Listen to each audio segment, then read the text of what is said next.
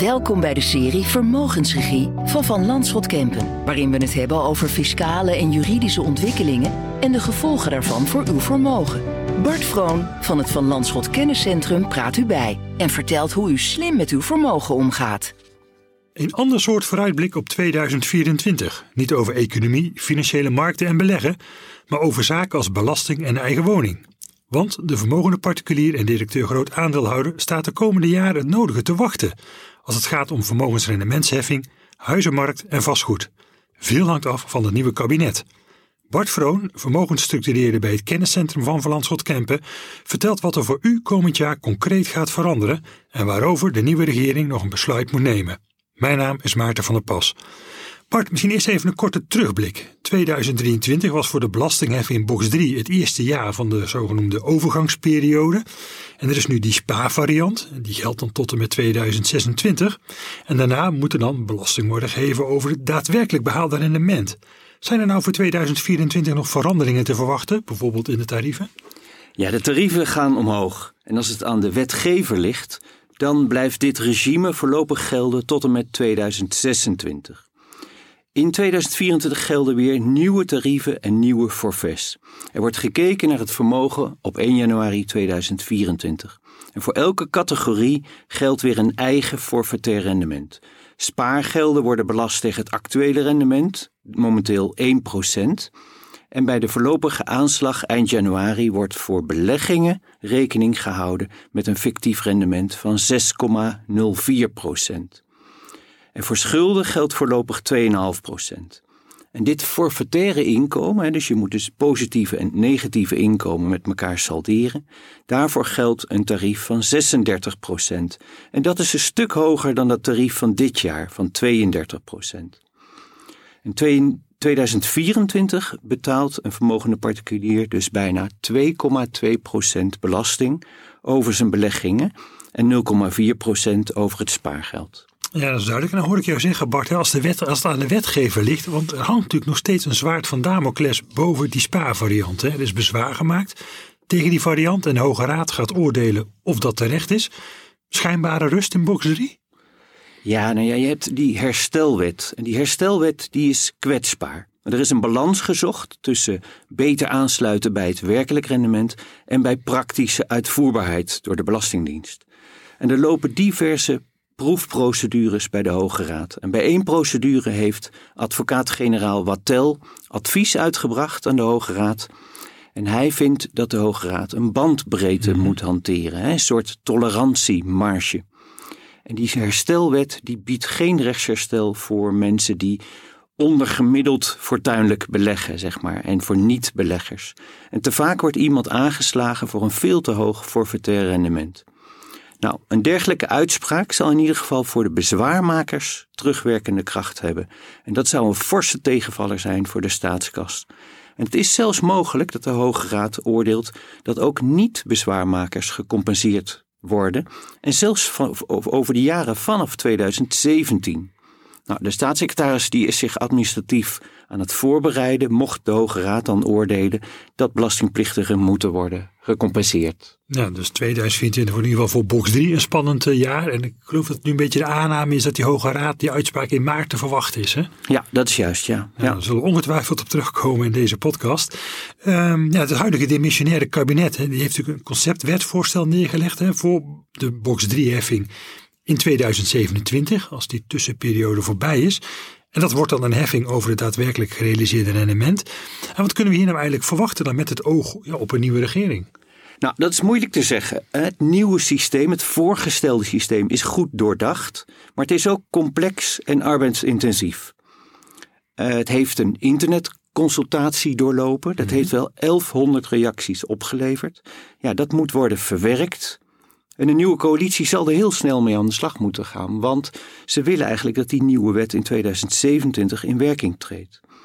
Kijk je nou naar de verkiezingsprogramma's, nou die hebben we samen gelezen. Ja, de vorige podcast. Als je nou kijkt naar de verkiezingsprogramma's van de partijen die tot de coalitie zouden kunnen behoren, nou dat moeten we natuurlijk ook nog maar zien.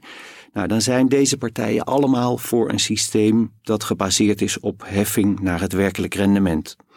En komt er nou een centrum-rechts kabinet tot stand? Nou, dan verwacht ik niet dat daar ook nog een echte vermogensbelasting bovenop zal komen. Ja, ja spannend dus wat, ja, hoe de nieuwe coalitie eruit gaat zien en wat zij gaan besluiten. Ja, misschien tot zover even box 3. Laten we dan ook even naar de belastinghef in box 1 gaan. Zijn er in 2024 nog wijzigingen te verwachten voor de eigen woning? Nee, nou gelukkig niet zou ik bijna zeggen, want het systeem is al zo complex. Oh ja. Het tarief waartegen hypotheekrente afgetrokken kan worden blijft wel ongeveer 37 procent. Nou, de hypotheekrente is de afgelopen jaar flink opgelopen, waardoor ook het voordeel van hypotheekrenteaftrek hoger is. Vaak ook hoger dan het voordeel van het hebben van een hypothecaire lening in box 3. Maar dat blijft een rekensom. Nou, mensen die een eigen woning hebben, die hebben ook te maken met het eigen woningforfait, de bijtelling voor de eigen woning. En die zal telkens iets hoger zijn door de stijgende WOS-waarde. Nou, heeft u nou geen of een lage eigen woningsschuld, dan betaalt u jaarlijks een klein beetje meer belasting als gevolg van de afbouw van de wethelen. Ja, en WOS als de WOZ-waarde? De WOS is de WOZ, ja. ja. Uh, nu we dat toch over de eigen woning hebben, Bart, en nog drie andere thema's die daaraan gerelateerd zijn. Uh, ja, wat blijft er nog over van de jubelton, zoals u er was, de schenking voor de eigen woning en de startersvrijstelling? Ja, de jubelton is in 2023 al sterk verlaagd. Hè. In 2023 kunnen ook opa's en oma's en ooms en tantes nog bijna 29.000 euro schenken. Het is al lang geen ton meer. Hè? Nee, het is al lang geen jubelton meer. Nee. Maar vanaf 2024 is het helemaal voorbij. En dan kunnen eigenlijk alleen nog ouders een eenmalig verhoogde schenking doen. Aan kinderen tot 40 jaar. Maar die hoeft dan niet per se aan de woning besteed te worden. En dan gaat het om bijna 32.000 euro. Oké. Dan heb je nog de startersvrijstelling. De, de, dat zijn de mensen die een uh, eerste eigen woning kopen en een beroep doen op die vrijstelling. Mensen tot 35 jaar. En uh, die vrijstelling gaat omhoog van 440.000 naar 510.000. Dus die wordt echt wel flink verhoogd. Ja, flink opgetrokken dat bedrag. En als we ook eens van de eigen woning gaan naar de verhuurde woning. Dan komen we bij de particuliere vastgoedbelegger uit. Die heeft natuurlijk afgelopen jaar eh, zwaar te verduren gehad. Er kwam een hogere overdragsbelasting. De leegwaarderatio werd aangescherpt. En er is ook een zelfbewoningsplicht. Ja, wat wordt dan het komend jaar voor de vastgoedbelegger? Nou, het belastingregime voor de particuliere vastgoedbelegger zal niet echt veranderen. Die hogere box 3-heffing die heeft al heel veel impact gehad op de cashflow van deze belegger. Mhm. Want bij een bruto huurprijs van meer dan 5% van de WOZ-waarde ja, betaalt hij vanaf 2024 ook jaarlijks 2,2% over die WOZ-waarde. Dus dat is al heel fors. En daarnaast krijgt hij mogelijk wel te maken met uh, de uitbreiding van de huurregulering. En dat is het wetsvoorstel betaalbare huur van Hugo de Jonge. En op basis daarvan wordt de huur op basis van een nieuw puntensysteem gemaximeerd. Dan heb je de, de Raad van State, die heeft zich daar wel erg kritisch over uitgelaten. Maar die, de missionair uh, minister, die laat zich eigenlijk uh, niet tegenhouden. En hij wil hem eigenlijk zo snel mogelijk door de nieuwe Tweede Kamer loodsen. Zodat het wetsvoorstel per 1 juli 2024 in werking kan treden. En het is maar de, de vraag of er in de nieuwe Kamer een meerderheid te vinden is voor dit wetsvoorstel. Dus het valt allemaal niet zo mee voor die particuliere vastgoedbelegger. Uh, want, en met name die mensen die een huurobject als een goede pensioenvoorziening zien. Maar uh, ja, treedt, ook dit wetsvoorstel in werking? Nou, dan uh, is de jeu er definitief wel vanaf. Ja, dat, dat, lijkt me wel duidelijk. En ja, dan eigenlijk de laatste box, twee. Wat zijn dan de vooruitzichten voor de directeur groot aandeelhouder of de DGA? Nou, bij de DGA's zijn de duimschroeven flink aangedraaid. Want uh, nou ja, ze worden enerzijds dan wel aangemoedigd om meer dividend uit te keren. Door het, doordat het tarief is verlaagd naar 24,5 procent. En dat geldt dan eigenlijk voor de eerste 67.000 euro. Ja. En voor uh, mensen met een fiscaal partner geldt het dubbele bedrag. Maar de echte impact zit hem in de verhoging van het tarief voor het meerdere dat tarief wordt 33 procent. En dat betekent eigenlijk dat de belastingclaim op bestaande, maar ook toekomstige reserves ineens 6,1 procent hoger is. En die claim moet betaald worden als je je aandelen verkoopt of als je je BV liquideert. Maar als, je, als het om een beleggings-BV gaat, dan is die claim van 33% ook verschuldigd bij overlijden van de DGA. En eigenlijk ja, alleen als hij in gemeenschap van goederen is gehuwd, dan kun je de helft van die claim uitstellen. Ja, en dan heb je het over de beleggings-BV, Bart. En er is natuurlijk ook nog de spaar-BV. En dan zag je de afgelopen jaar dat er best wel veel vermogende particulieren spaargeld in een BV onderbrachten. Om die hoge box 3-heffing te ontlopen. En zeker toen die rente nagenoeg, nagenoeg eh, nihil was. Heeft dat nog zin, die spaar-BV? Nou, het maakt nu eigenlijk niet zoveel meer uit. Want spaargeld worden in de BV en in privé eigenlijk wel uh, ongeveer hetzelfde behandeld. Dus je zou die spaar-BV wel op kunnen doeken, maar tegelijkertijd is het ook wel een heel mooi vehikel om leningen te verstrekken. Want als ik vanuit privé een lening verstrek, tegen bijvoorbeeld 3,5 procent, dan word ik door de Belastingdienst aangeslagen alsof ik daar ruim 6 procent rendement op ontvang. Ja. Maar doe ik dat vanuit een BV, ja, dan betaalt de BV alleen belasting over de daadwerkelijk ontvangen rente. Dus, dus dat is eigenlijk wel gunstiger. Dus het aanhouden van een spaar-BV, die kost dan wel wat administratiekosten, maar die levert dan toch gelijkertijd ook wel flexibiliteit op. Ja, en ja, dan begrijp ik dus dat de DGA vanuit zijn BV nog steeds leningen aan zichzelf kan verstrekken. Maar zijn die dan niet ook gebonden aan die wet excessief lenen? Ja, daar zijn ze wel aan gebonden. De Belastingdienst die heeft een halt toegeroepen aan het verstrekken van leningen door de eigen vennootschap. Dat zal elke DGA inmiddels wel weten. En veel DGA's zijn druk bezig om te bepalen hoe ze daar nu het einde van het jaar mee omgaan. Maar uh, ja, en met name de DGA's die met een lening van de eigen BV in privé vastgoed hebben gekocht, die zijn daarmee bezig.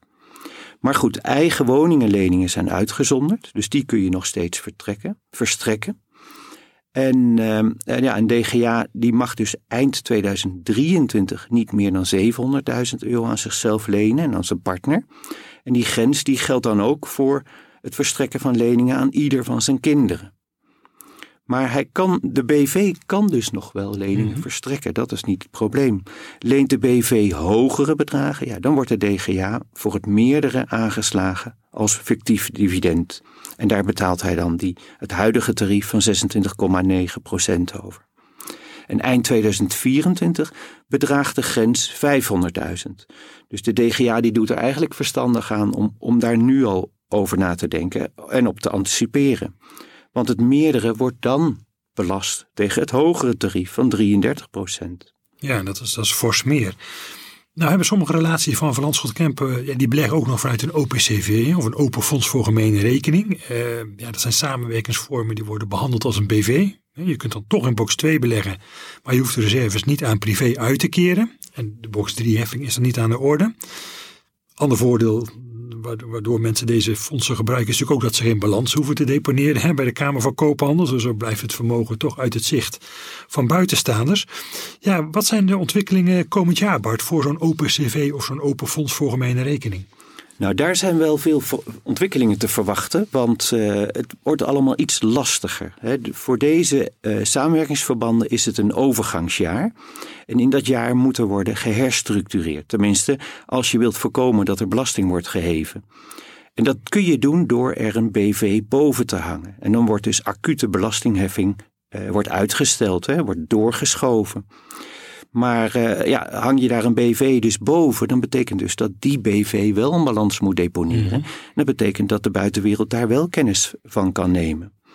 Nou, ook is het zo dat er een einde komt aan het regime van de VBI, de vrijgestelde beleggingsinstelling. Bij een VBI is geen vennootschapsbelasting verschuldigd, maar moet wel jaarlijks een fictief dividend van ruim 6% worden uitgekeerd aan de aandeelhouder. Nou, en tot slot is er ook nog een recentelijk wetsvoorstel door de Tweede Kamer aangenomen, op basis waarvan de UBO-register weer wordt heropend. En mensen met een legitiem belang, die kunnen dan weliswaar tegen betaling, maar die kunnen dan zien of iemand een belang heeft in een bepaalde BV, CV of een open fonds. Ja. En dan blijft het alleen nog een beetje de vraag van ja, wie heeft dan een legitiem belang? Is dat ook de reporter van Quote bijvoorbeeld? Maar goed, daar moet duidelijkheid over komen. Dus het wordt dus in 2024 echt veel moeilijker om minder zichtbaar vermogen in box 2 te hebben. Ja, toch een belangrijke wijziging die er dan aankomt. Tot slot, Bart, nog even, ja, schenken.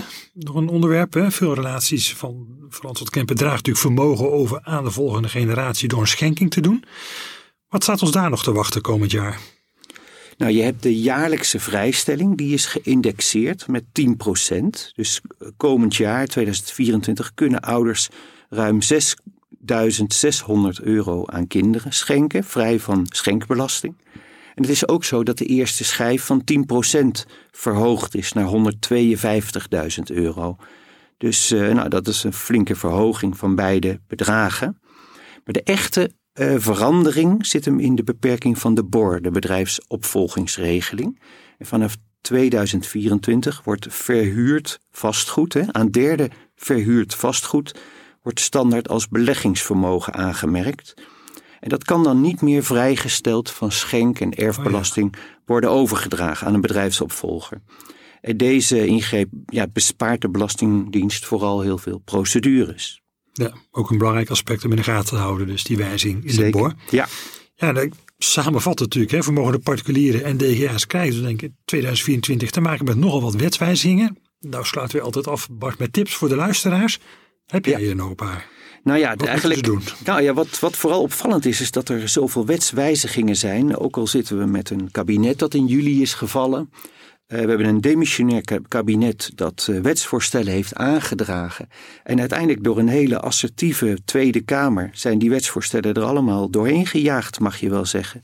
En dat veroorzaakt dat er zoveel wijzigingen zijn. Dus er ja. komt veel op onze relaties af. En veel van hen zullen in de afgelopen jaren voor het realiseren van hun doelen keuzes hebben gemaakt. Een keuze om in privé te beleggen of in de BV. En die omslagpunten, nou, die veranderen wel een beetje, maar niet zoveel dat ze nou hun keuzes enorm moeten wijzigen. Maar ik zou zeggen, ga daarover met je banker in gesprek. Ja. Dat zou eigenlijk mijn eerste tip zijn. Nou, de tweede tip en dat is, uh, ja, als u nou wilt anticiperen op die wijzigingen die in 2024 zullen optreden, nou ja, lees dan ook onze blogs die gaan over de eindejaarstips. Er zijn er twee. Eentje is voor de vermogende particulier en de andere is voor de vermogende DGA. En je hebt recentelijk ook een webinar gemaakt over deze onderwerpen. Dus ja. het is absoluut de moeite waard om dat nog eens terug te luisteren. En een van die tips is bijvoorbeeld dat zowel die vermogende particulier als de vermogende DGA, die kan uh, lijfrentepremie uh, betalen en aftrekken tegen 49,5 procent. Dat is eigenlijk een hele interessante manier voor het vormen van, uh, van pensioen. En nou ja, gewoon die aftrekpost is dit jaar en komend jaar echt veel hoger dan in het verleden. Nou, een derde tip, en dat is dat ja, je hebt natuurlijk die wijzigingen ten aanzien van het open fonds en voor de open CV. En die dwingen tot herstructurering. En ik denk dat het aan te bevelen is om uh, op korte termijn met de fiscalist daarover aan tafel te gaan. En onze banker die, draag, die denkt graag met u mee daarover. Ja, nou, dankjewel Bart voor jouw fiscale vooruitblik op 2024. En deze podcast is onderdeel van de vooruitblik van Verlandschot Kemp op komend jaar. En wilt u nou meer verwachtingen? Bekijk dan ook de video's met hoofdeconoom Luc Abe over de economie, over beleggen en politieke ontwikkelingen die de financiële markten kunnen beïnvloeden. Bedankt voor het luisteren naar Vermogensregie, een serie binnen de podcast van Van Landschot Kempen. Wilt u meer regie over uw vermogen? Bezoek dan onze website www.vanlandschot.nl en abonneer u op dit kanaal.